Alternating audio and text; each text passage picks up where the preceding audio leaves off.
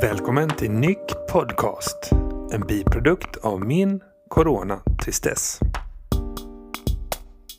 Under tiden jag lär känna detta media och teknik så bjuder jag på ett par berättelser från minnenas allé. Den här gången tar jag tillbaks till tidigt 2000-tal. För att ni ska få en liten bild av de här personerna så kommer jag berätta lite om var och en.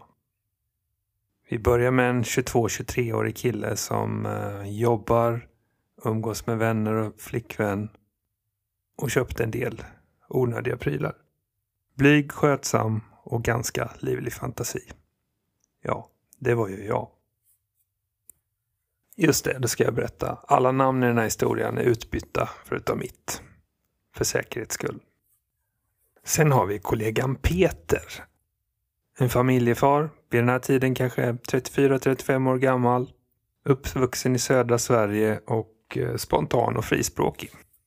För att ni ska förstå hur det var att jobba med Peter så kommer jag berätta en liten händelse. Peter kommer in på vårt rum, uppjagad som få. I all frustration så kastar han sitt nyckelband där han har sitt passerkort placerat. Det flyger i fönstret och trillar ner på backen. Några minuter senare bromsar en Securitasbil hastigt in framför huset. Och kort därefter stormar tre Securitasvakter in på vårt rum. Vi har ett sabotagelarm på en fönsterruta. Vi andra kan inte hålla oss för skratt och säger det var bara Peters nyckelband som åkte i fönstret. Peter själv, han säger ingenting. Han tittar djupt in i datorn och eh, fortsätter att jobba. Då visar det sig att Peters nyckelband träffade glaskrossen på rutan och genererade ett sabotagelarm. Nästa person kallar vi för Jesper, fixan i gänget. Skojfrisk kille. Låt mig förklara. En städerska hittade en fläck på väggen på vårt rum. Hon började gno på fläcken men den gick inte bort så hon kallade till en kollega. Två städerskor står och skrubbar på väggen. Varje gång de tar bort trasan så är fläcken kvar. En tredje person kommer. Han sprayar på något medel, gnuggar, gnuggar, gnuggar. Men fläcken är kvar. Då säger Jesper Psst, Mattias, kolla nu. Och så skjuter Jesper på en CD-skiva som ligger på hans skrivbord. Fläcken på väggen flyttar sig. En klassisk solkatt. Städerskorna grymtar något och försvinner ut från vårt rum. Kvar sitter vi med leende på läpparna. Till sist har vi våran teamleader, Bengt. Också en skön lirare, men ibland blev han lite trött på oss. Som till exempel den gången när vi hade en trasig mus som vi slet den sladden på, placerade på Bengts skrivbord och gömde hans vanliga mus. In kommer han springandes, lite lätt stressad, ska fixa något viktigt. Musen funkar inte. Han förstår rätt snabbt att det är vi som har gjort något practical joke, inte helt ovanligt. Trådlösa möss existerade knappt vid den här tiden. Han står framför sin dator och skriker högröd i ansiktet. Vad har ni gjort med min dator? Jag vet att ni har gjort någonting. Han står två meter från datorn, inser själv inte att det inte finns en sladd på musen. Och vi bara skrattar.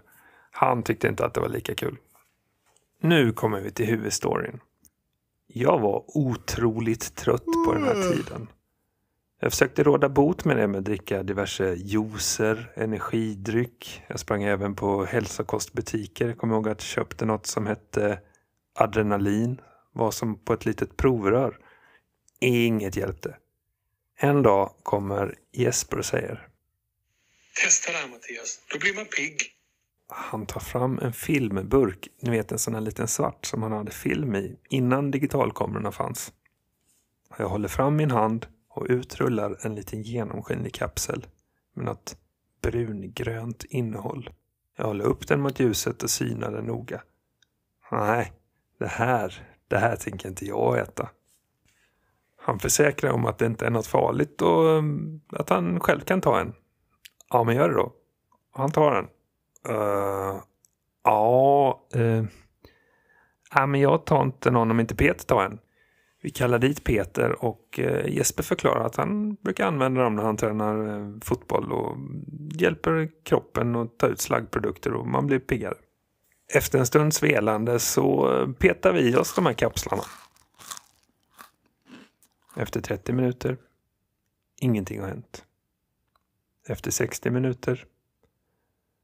Jag öppnar munnen och säger Nej, vad är det här för... En kall kår går längs hela ryggen. Håret reser sig. Jag får en lätt illamående känsla. Jag inser att nu kan jag ha gjort något dumt. Efter ytterligare några minuter känner jag hur blodet har försvunnit från huvudet och ner strax under midjan. Byxorna blir tajtare och en konstig bula visar sig. Jag drar försiktigt ut min t-shirt ur byxlinningen och ja, försöker dölja den lite.